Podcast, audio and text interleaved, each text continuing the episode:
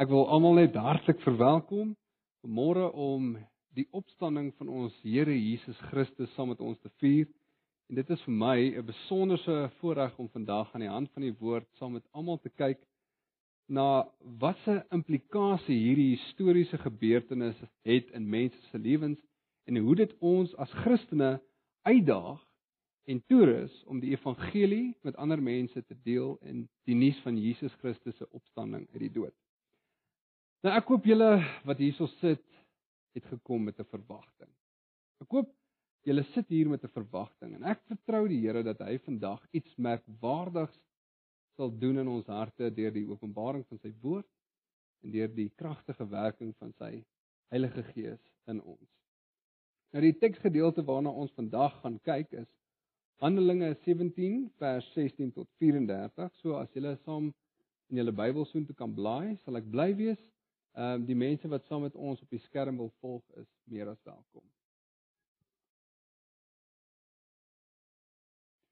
Handelinge 17 vers 16 tot 34. Ek lees uit die 53 vertaling. En terwyl Paulus in Athene vir hulle wag, het sy gees in hom opstandig geword toe hy sien dat die stad vol afgodsbeelde was. Hy het toe in die sinagoges met die Jode gespreek en met die godsdienstige mense en elke dag op die mark met die wat hom teekom. En sommige van die epikureëse en die stoïsyne wysgere het met hom gestry en sommige het gesê: "Wat sou hierdie praatjiesmaker tog wil sê?" Ander weer: "Dit lyk of hy 'n verkondiger is van vreemde gode omdat hy aan hulle die evangelie van Jesus en die opstanding verkondig het."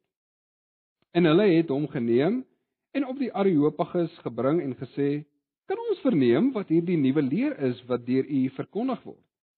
Want u bring sekere vreemde dinge in ons ore. Ons wil dan weet wat dit tog kan wees." Nou het al die Ateners en die uitlanders wat by hulle gewoon het vir niks anders tyd gehad as om iets nuuts te sê en te hoor nie. Paulus gaan toe in die middel van die Areopagus staan en sê: Ateners, ek sien dat julle in elke opsig baie godsdienstig is. Want terwyl ek rondgegaan en julle heiligdom aanskou het, het ek ook 'n altaar gevind waarop geskrywe is aan 'n onbekende God. Hom dan wat julle vereer sonder om hom te ken, verkondig ek aan julle. Die God wat die wêreld gemaak het en alles wat daarin is, hy wat die Here van hemel en aarde is, woon nie in tempels met hande gemaak nie. Ook word hy nie deur mense hande gedien asof hy aan iets behoefte het nie, omdat hy self aan almal lewe en asem en alles gee. En hy het uit een bloed al die nasies van die mensdom gemaak om oor die hele aarde te woon terwyl hy vooraf bepaalde tye en grense van hulle woonplek vasgestel het, sodat hulle die Here kon soek of hulle hom miskien kon aanraak en vind al is hy nie ver van elkeen van ons nie. Want in hom lewe ons beweeg ons en is ons. So sommige van julle digters ook gesê het want ons is ook sy geslag. As ons dan die geslag van God is moet ons nie dink dat die godheid aan goud of silwer of steen die beeldwerk van menslike kuns en uitvinding gelyk is nie.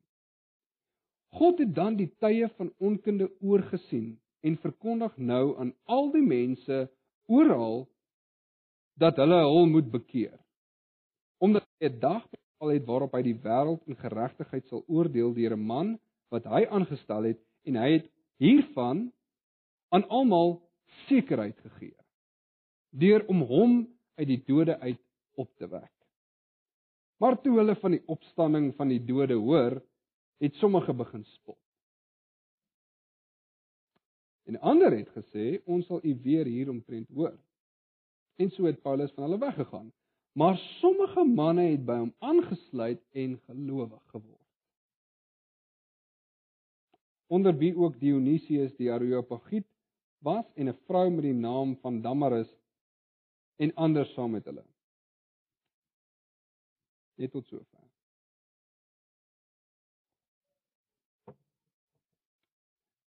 Vanmôre wil ek vir julle sê bewyse is belangrik. Ek weet nie of jy al iets ongeloofliks vir iemand vertel het nie en dan is daardie persoon se reaksie bewys dit. Nou dit sal definitief my reaksie wees as iemand vir my sê volgende maand gaan jy net R2 vir 'n dollar betaal of Bafana Bafana gaan die volgende wêreld beker inpalm. Dit sal definitief my reaksie wees as iemand vir my sê jou vrou verneek jou of jy is skuldig aan bedrog. Weereens bewyse is belangrik. As Oscar Pistorius nie bewyse kan lewer om die geloofwaardigheid van sy saak te staaf nie, kan hy maar weet gaan hy 'n uh, ongunstige uitspraak verwag. Maar as jy vir iemand gaan sê God beveel jou wie ook al jy is, waar ook al jy vandaan kom, dat jy jouself moet bekeer omdat hy 'n dag in sy dagboek afgemerk het waar hy jou gaan oordeel, mag daai persoon se reaksie dalk wees bewys dit. 'n Mens kan homself vreeslik braaf hou as hy homself in sy hart oortuig het dat daar nie iets is soos die oordeelsdag nie. Of hy reken dat dit nog ver is. Hy hoef nie nou daaraan te dink nie. Nou hierdie Dinsdag wat verby is, bied ek 'n skilderles vir 'n klomp mense aan en daar moes 'n tannie die oggend by my opdaag vir les. En sy het toe nie opgedaag nie. En haar vriendin wat gewoonlik saam met haar na my lesse toe kom, laat weet ons toe via WhatsApp dat tannie Ansie vroeg die oggend in haar slaap oorlede is. Vir haar het die dag aangebreek. So vandag wil ek vir jou as Christen uitdaag om die evangelie met jou vriende, met jou kollegas en met jou familie te deel voordat jy nie meer 'n geleentheid het nie. Alexander Vilenkin, 'n kosmoloog het gesê, "It is said that an argument is what convinces reasonable men and a proof is what it takes to convince even an unreasonable man." So vir die redelikes wil ek graag die argument lewer dat jy jouself moet bekeer want God gaan jou oordeel. En vir die onredelike mense moet ons die bewys lewer dat dit wel die geval is. Nou kom ons kyk eers 'n bietjie na die agtergrond van die teksgedeelte wat ons nou net gelees het en dan sak ons in op hierdie argument en die bewys van God se oordeel. Nou Paulus vlug van Tessalonika af na Athene toe omrede Jode hom vervolg het want baie ander Jode het tot geloof gekom in Jesus Christus want Paulus het uit die skrif gewys dat die Christus moes ly en op die 3de dag opstaan en so bewys hy dat Jesus die Christus is. Maar nou, terwyl Paulus wag vir Timoteus en Silas om by hulle aan te sluit, gaan verken hy so 'n bietjie vir Athene. En soos ons ook nou net gelees het, was Paulus baie ernstig omgekrap omrede Athene so vrot van afgoderry was. Afgodsbeelde het die hele plek vol gestaan. En Paulus besluit toe Hy gaan iets doen omtrent hierdie saak. Nou ek wil net hê dat ons 'n bietjie hier stil staan en besef hoe belangrik die opstanding was vir Paulus. Nie net was dit 'n belangrike element in sy evangelieprediking nie. Maar Paulus het besef dat die evangelie van Jesus en die opstanding die enigste toe, uh, teenvoeter vir afgoderry was. So belangrik het Paulus dit gesien. Nou ongelukkig het hierdie Ateners nie so lekker vir Paulus verstaan nie. En soos ons in vers 18 ook gesien het, meen hulle dat Paulus nou vreemde gode aan hulle verkondig. So you know, so asof daar nou 'n nuwe goetjie op die toneel verskyn het. Nou soos dit vandag ook die geval is met ons mense, was die Ateners lief daarvoor om nuwe dinge te hoor. Nou ek dink as hulle internet gehad het, sou hulle die hele dag op Facebook en YouTube gespandeer het. Nou hulle blog was die Areopagus. Dit was 'n amfitheater waar mense bymekaar gekom het om dinge te bespreek en om nuwe dinge te hoor. En hierdie mense bring toe vir Paulus hiernatoe om oor hierdie nuwe ding met hulle te praat. Nou hierdie is Paulus se goue geleentheid om mense aan te spreek oor hulle afgoderry en dat hulle tot die ware God moet bekeer. Nou die beskuldiging dat Paulus vredegode verkondig het, was 'n baie ernstige aantuiging. Dit was 'n halsmisdaad wat selfs tot Sokrates se dood gelei het 450 jaar van tevore. Maar Paulus was baie slim en hy sê vir hulle in vers 22 en vers 23: Atheners, ek sien dat julle in elke opsig baie godsdienstig is. Want terwyl ek rondgegaan en julle heiligdomme aanskou het, het ek ook 'n altaar gevind waarop geskrywe is aan 'n onbekende God. Hom dan wat julle vereer sonder om hom te ken, verkondig ek aan julle. So nou het Paulus hulle aandag. Die legende van hierdie inskrywing het nou die agtergrond van sy toespraak geword. Hoe kan hulle hom beskuldig dat hy vreemde gode verkondig as hulle in hulle godsdienstigheid gode vereer wat hulle self nie eens ken nie? So nou gaan ons 'n bietjie kyk na Paulus se argument. Nou dit is baie eenvoudig. God het homself geopenbaar as die skepper, maar die mense aanbid die skepping. Tweedens, God het homself geopenbaar as die regter, daarom moet mense tot hom bekeer. Eerstens, God is die skepper en die voorsiener van alles. Vers 24 tot 29. Nou, in vers 24 sê Paulus dat God wat die wêreld gemaak het en alles wat daarin is en dat hy die Here van die hemel en die aarde is. En dan verduidelik hy wat se implikasie dit het op hierdie mense. Eerstens God bly nie in tempels wat met hande gemaak is nie vers 24. God het nie 'n behoefte om deur mense gedien te word nie. Hy gee aan almal lewe en asem en alles. Vers 26. Hy is nie maar net 'n nasionale God nie. Hy is die God wat alle nasies uit een bloed of uit een man gevorm het. En dan Jy maak nie God na jou beeld nie. Jy is geskape na sy beeld. Paulus sê daar in vers 29 as ons dan die geslag van God is, moet ons nie dink dat die godheid aan goud of silwer of steen die beeldwerk van menslike kuns en uitvinding gelyk is nie. So, Paulus draai hierdie aanklagte om en wys hierdie wyse mense op hulle onkunde. Eerstens, hulle weet nie wie is God nie. Hulle weet nie waar hy bly nie. Hulle weet nie hoe hy gaan bid wil word nie en hulle dink nie reg oor God nie. God is die skepper, maar hulle aanbid die skepping. Met ander woorde, Paulus korrigeer hulle denke oor God. En jy sien die probleem is dat die Ateners en mense van vandag 'n God vorm na hulle beeld. Na hulle gelykenis. En dan dink hulle hierdie God is soos hulle. Hierdie God het behoeftes soos hulle. Hierdie God is afhanklik van hulle godsdienstigheid. Hulle moet hierdie gode voorsien met klippe vir hulle tempels en offers hulle altare. Nou, as jy jou liggaam verafgod, dan is die gim sy tempel jou lidmaatskap geld en jou geld wat jy betaal aan aanvullings is jou offergawe en jou die mens self is jou Bybel. En mense se afgode is afhanklik van hulle instandhouding.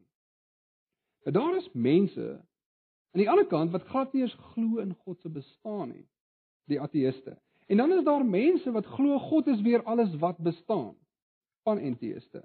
En beide hierdie groepe mense gee goddelike status vir die heelal. Hulle glo nou wel nie dat die heelal behoeftes soos hulle het en dat die heelal afhanklik van hulle godsdienstigheid is nie. Nee. Die heelal is vir hulle of soos God of dit is God. Hulle glo dat die heelal van ewigheid tot ewigheid die oorsprong van alle dinge is, maar dat die heelal self nie 'n oorsprong gehad het nie.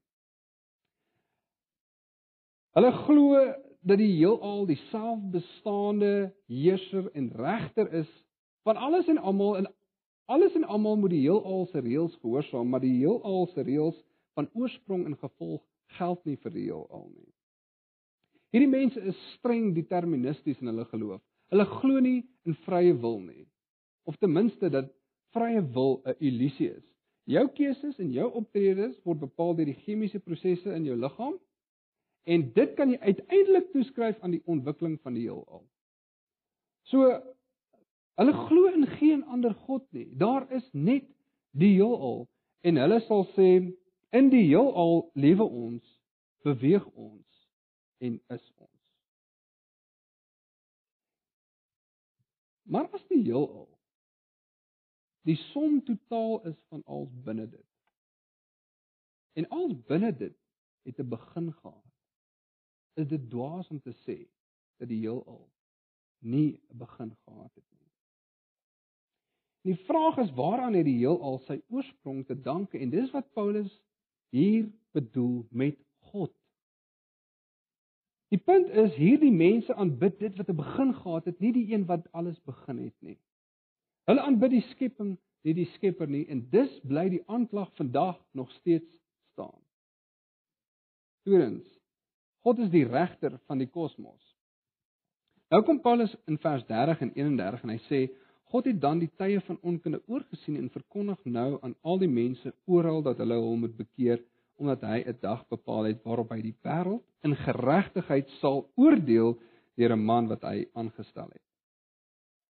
Met ander woorde, God wat alles gemaak het, waaraan die heelal sy oorsprong te danke het, gaan al die wesens wie hy 'n vermoë gegee het om te reageer op die openbaring van homself het sy deur die skepping daar buite of hulle gewete hier binne en wat in staat is om 'n antwoord te gee vir hulle keuses tot verantwoording roep. Die skepper van die heelal is ook die morele regter van die kosmos. Nou ek glo een van die grootste redes hoekom mense God se bestaan wil ontken is omdat die heelal jou nie tot verantwoording gaan roep nie. Die heelal gaan jou nie aanspreeklik hou vir die keuses wat jy maak nie. Nou ander mense wat wel in God se bestaan glo dat hy meer soos 'n oupa is. Wat sê ag dis oukei okay, man. Moet dit nou net nie weer doen nie. 'n Biskop het self gesê God is as weak as water. Nee. Hy wat as hy sy mond oopmaak om te praat, daar sterrestelsels en kolossale sonne uitkom is as weak as water. Ek dink ouens wat so dink is baie naïef. Nou vandag kan niemand onkunde pleit nie en ek dink dit is duidelik uit die teks wat ons gelees het. Nou wat maak ons van die stelling wat Paulus daar gee dat God die tye van onkunde oorgesien het? Al in die eerste plek is dit waar dat God niemand op grond van onkunde sal verdoem nie. Jy word nie verdoem omdat jy die waarheid nie ken nie. Jy word verdoem omdat jy die waarheid ken, maar dit verruil het vir 'n leuen en die skepping in plaas van die Skepper aanbid het. Nou ek glo dat hierdie stelling God het die tye van onkunde oorgesien daarop aandui dat God in die tye wat verby was die nasies hulle eie ding laat doen het, maar nou beveel hy almal oral om te bekeer. Nou vir die wat wonder hoe ek by hierdie stelling uitgekom het, kan gerus Handelinge 14 vers 16 gaan lees by die huis. En let asseblief op dat die konteks dieselfde is as die teksgedeelte wat ons vandag gelees het. Nou Paulus sê bekeer jou tot God wat die regter is. Nou wat bedoel Paulus met bekering? Baie keer gebruik ons hierdie kerkwoorde as ons met mense gesels en ons veronderstel hulle verstaan wat dit behels en dit is baie keer nie die geval nie. So kom ons pak 'n bietjie hierdie woord uit. Die Griekse woord wat gebruik word vir bekering beteken 'n verandering in gedagte as jy dit direk vertaal, metanoia. So wat Paulus vir hierdie ouens sê is dat hulle anders behoort te dink oor God. Kry jou gedagtes in lyn met God se openbaring van jouself en van homself, jammer. En hou op om vir God in jou beeld te probeer skep. Jy is na sy beeld geskep. En die probleem is afgoderry begin met verkeerde gedagtes oor God. As jy sê ek dink God is sis of sus of so of ek dink God wil dit of dat hê of ek dink nou nie God sal dit of dat doen nie. En hierdie denke van jou oor God is nie afgelei van God se openbaring oor homself nie, is jy besig met afgoderry. So weer eens om Paulus se argument op te som. God het homself geopenbaar as die Skepper, maar die mens aanbid die skepping. God het homself geopenbaar as die regter, daarom moet mense tot hom bekeer. Nou kom ons by die bewys dat God jou sal oordeel vir die mense wat 'n bietjie onredelik is. Iemand mag dalk na jou luister en sê, "Maar weet jy wat, nee. Ek glo nie eers dat daar 'n God is wat alles gemaak het nie." Maar ek dink die bewyslas lê by hierdie persoon om 'n verduideliking te gee dan waar alles vandaan gekom het. Nou julle onthou Alexander Vilenkin, ons kosmoloog, hy het laas jaar gesê, "With a proof now in place. Cosmologists can no longer hide behind the possibility of a past eternal universe. There is no escape. They have to face the problem of a cosmic beginning. Verder is hierdie Skepper God baie besorgd oor reg en verkeerd. As God nie bestaan nie, bestaan objektiewe morele waardes ook nie. Ons weet objektiewe morele waardes bestaan wel. Dus rus die bewyslas weer eens op die ongelowige om sy standpunt te regverdig. Maar God het weer eens sy eie bewyse voorsien. Hy het sy eie seun na hierdie wêreld gestuur, die woord van God. En hierdie woord het mens geword, die enigste gebore God en ons ken hom as die man Jesus Christus. God het alle oordeel aan hom oorgegee. En niemand sal op die oordeelsdag vir God kan sê, "Maar hoe kan jy wat God is my oordeel want jy weet nie hoe dit voel om mens te wees nie. Jy weet nie hoe ek voel nie." Hy weet hoe jy voel. Ons moet vir mense gaan sê, Jesus Christus het mens geword net soos ek en jy. Hy's versoek net soos ek en jy, maar sonder sonde. Hy het die mees afgryslikste martelaars dood gesterf en op die derde dag het hy die dood uit opgestaan. Sal daar enige iets onmoontlik wees vir hierdie God wat alles gemaak het? Nou Jesus se opstanding is nie maar net ietsie wat in die hartjies van sy disippels gebeur het. Filosoof, teoloog en geskiedkundige William Lane Craig lys vier feite wat die meeste as nie al die Nuwe Testamentiese vakkundiges aanvaar, gelowiges of nie, wat Jesus se opstanding ondersteun. Eerstens, na sy kruisiging was Jesus in 'n welbekende man, Josef van Arimatea se graf begrawe. Tweedens, op die daaropvolgende Sondag was Jesus se graf leeg gevind deur 'n groep vrouens. Ons het dit net nou gehoor wat oom Mike vir ons gesê het.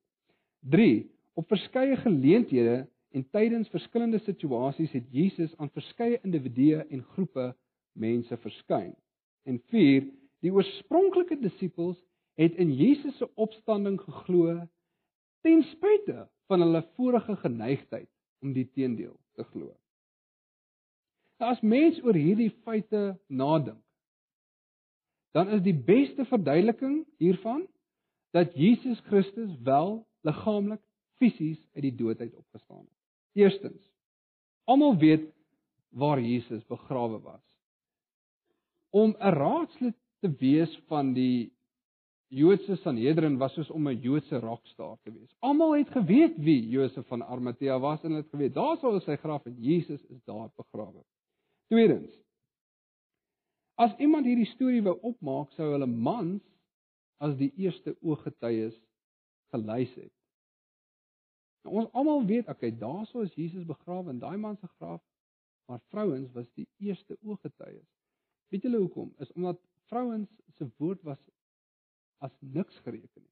So as jy hierdie storie wou gefabriseer het, sou jy eerder mans gelys het as die eerste ooggetuies. Derdens, jy maak nie so 'n mite op en lys 'n hordes mense as ooggetuies wat nog steeds leef nie. Blaai bietjie saam met my na 1 Korintiërs 15 vers 3 tot 6. 1 Korintiërs 15 vers 3. Want in die eerste plek het ek aan julle oorgelewer wat ek ook ontvang het dat Christus vir ons sondes gesterf het volgens die die skrifte en dat hy begrawe is en dat hy op die derde dag opgewek is volgens die skrifte en dat hy aan Sefas verskyn het daarna aan die 12 Daarna het hy verskyn aan oor die 500 broeders te gelyk, waarvan die meeste nou nog lewe, maar sommige al ontslaap het. Vierdens: Hoe verduidelik jy dat 'n klomp lafaards in die grootste helde van hulle tyd ontaard het? Wat het gemaak dat Jesus se disippels vanuit hulle wegkruipplek gekom het om die nuus van sy opstanding met die grootste vrymoedigheid te verkondig al het dit beteken hulle koppe sou af, afgekap word soos Paulus. Hulle sou onderste bo gekruisig word soos Petrus. Hulle um, ledemate sou van van hulle afgeruk word deur perde. Hulle lewendig gekook sou word. Wat het gemaak dat hulle hierdie helde geword het en met soveel vrymoedigheid die opstanding van Christus verkondig het. Weereens, die beste verduideliking van hierdie feite is dat Jesus Christus liggaamlik fisies uit die dood uit opgestaan het. Nou hou in gedagte dat Jesus weens laster oorgelewer was om gekruisig te word omdat hy homself aan God gelyk gestel het. En dus bewys die opstanding dat Jesus Christus die skepper en die regter van die heelal is. Dit is die man wat ons gaan oordeel. Nou een ding waarvan ons almal vanoggend sekerheid oor moet hê, is dat God die ganse mensdom hof toe vat. Kom ons kyk na 'n soortgelyke scenario. Oscar Pistorius word nou hof toe gevat oor die beweerde moord op sy meisie. As hy nie bewyse kan lewer vir die geloofwaardigheid van sy saak nie, gaan hy reg om skuldig bevind. Hy gaan gefonnis word en daar sal vir hom straf opgelê word.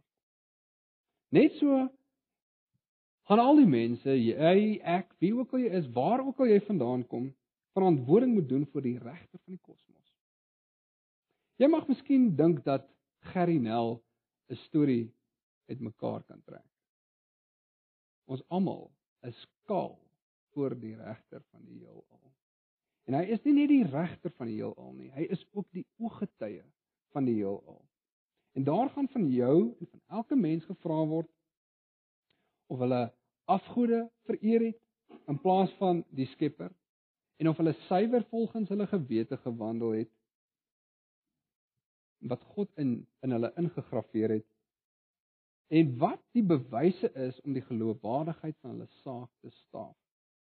Dan gaan God jou lewe herroep, die bewyse gaan blootgelê word en almal gaan skuldig bevind word.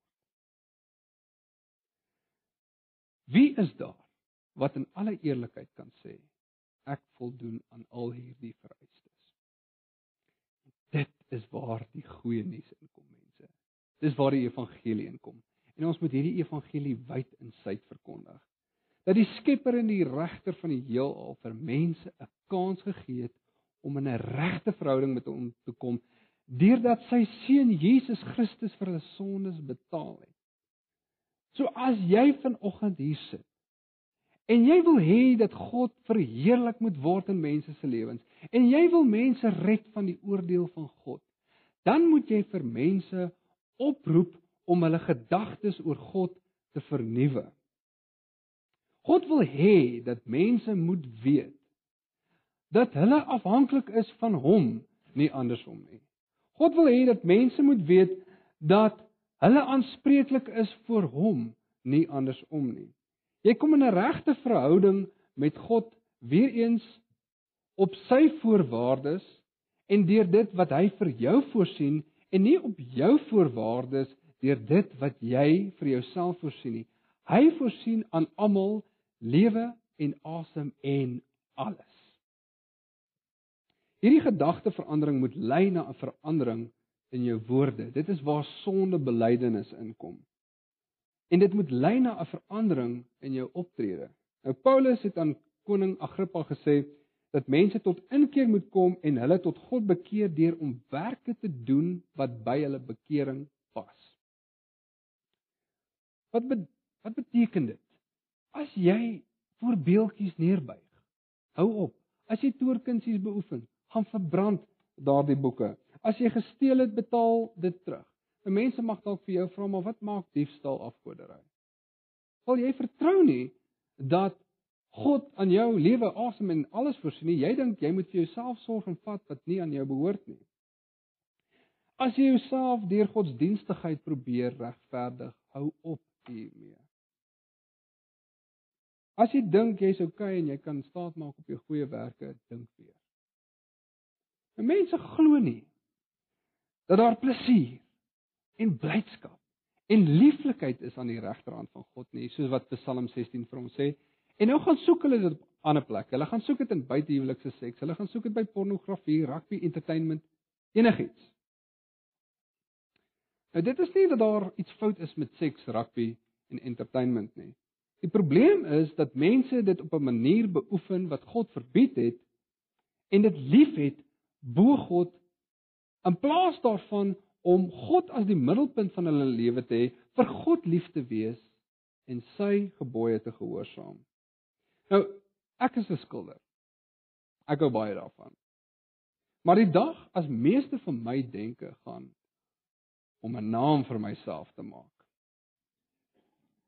As as dit al is waaroor ek dink, as dit al is waarvoor ek leef en die vrees van die Here is vir my soos 'n aangeleerde mensegebod. Ek eer God met my lippe, maar my hart is ver van hom verwyder. Dan veraf God ek myself en my vermoëns. My lewe draai om die liefde vir myself en om my eie vereistes te gehoorsaam. En dit is afgoderry. Nou, daar is 3 reaksies wat as ons hierdie boodskap gaan uitdra, wat jy kan verwag.